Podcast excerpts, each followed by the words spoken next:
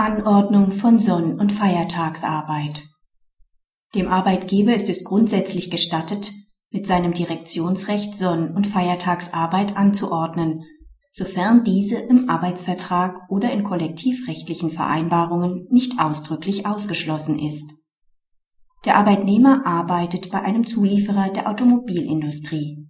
Der Arbeitsvertrag sieht vor, dass der Arbeitnehmer für Schichtarbeit 40 Stunden pro Woche eingestellt wird.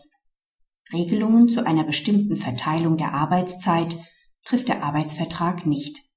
Es bestehen auch keine einschlägigen kollektivrechtlichen Vereinbarungen. Aufgrund einer Bewilligung des Landratsamts erhält der Arbeitgeber die Berechtigung, in einem bestimmten Zeitraum vorübergehend Arbeitnehmer auch an Sonn- und Feiertagen zu beschäftigen. Der Arbeitnehmer verlangt daraufhin vor dem Arbeitsgericht die Feststellung, dass er nicht verpflichtet ist, Sonn- und Feiertagsarbeit zu verrichten. Das BAG hält die Klage für unbegründet. Der Arbeitgeber ist gegenüber dem Arbeitnehmer berechtigt, nach billigem Ermessen im Sinne von 106 Satz 1 Gewerbeordnung die Ableistung von Sonn- und Feiertagsarbeit anzuordnen. Nach dieser Vorschrift legte der Arbeitgeber die Arbeitszeitverteilung durch Weisung Kraft seines Direktionsrechts fest. Im konkreten Fall wird die Ausübung des Direktionsrechts nicht durch ein gesetzliches Verbot beschränkt, da die zuständige Behörde eine einschlägige Ausnahmebewilligung gemäß den Vorschriften des Arbeitszeitgesetzes erteilt hat. An der Verfassungskonformität der einschlägigen öffentlich-rechtlichen Bestimmungen bestehen keine Zweifel. Das Weisungsrecht des Arbeitgebers ist auch nicht durch den Arbeitsvertrag beschränkt. Mit der im Arbeitsvertrag enthaltenen Formulierung wollten die Parteien bei verständiger Auslegung nicht zum Ausdruck bringen, dass Sonn- und Feiertagsarbeit grundsätzlich ausgeschlossen sein soll. Selbst wenn bei Vertragsschluss im Betrieb des Arbeitgebers noch keine Sonn- und Feiertagsarbeit geleistet worden sein sollte, würde sich daraus kein genereller Ausschluss dieser Arbeitstage ableiten lassen.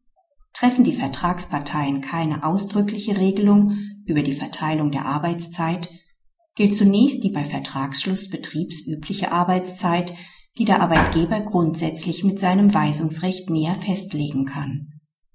Wollen die Vertragsparteien das Weisungsrecht für die Arbeitszeitverteilung durch eine konstitutive Regelung einschränken, müssen hierfür konkrete Anhaltspunkte bestehen.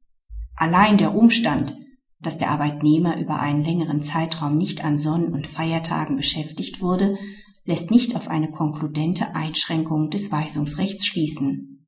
Da der Arbeitsvertrag die Bestimmung der Lage der Arbeitszeit somit eindeutig dem Arbeitgeber überlässt, ist weder die Unklarheitenregelung des Paragraphen 305c Absatz 2 BGB noch das Transparenzgebot des Paragraphen 305c Absatz 3 Satz 2 BGB verletzt. Praxishinweis die Entscheidung hat für alle Arbeitnehmer weitreichende Folgen. Denn ein ausdrücklicher Ausschluss von Sonn- und Feiertagsarbeit findet sich in den wenigsten Arbeitsverträgen. Auch Betriebsvereinbarungen oder Tarifverträge enthalten solche ausdrückliche Arbeitsverbote regelmäßig nicht.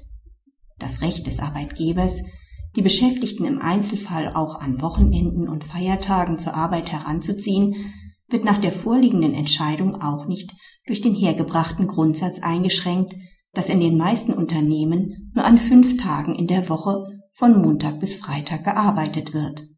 Der Arbeitgeber hat allerdings nur dann freie Hand, wenn durch die Sonn- oder Feiertagsarbeit die wöchentliche Arbeitszeit nicht überschritten wird.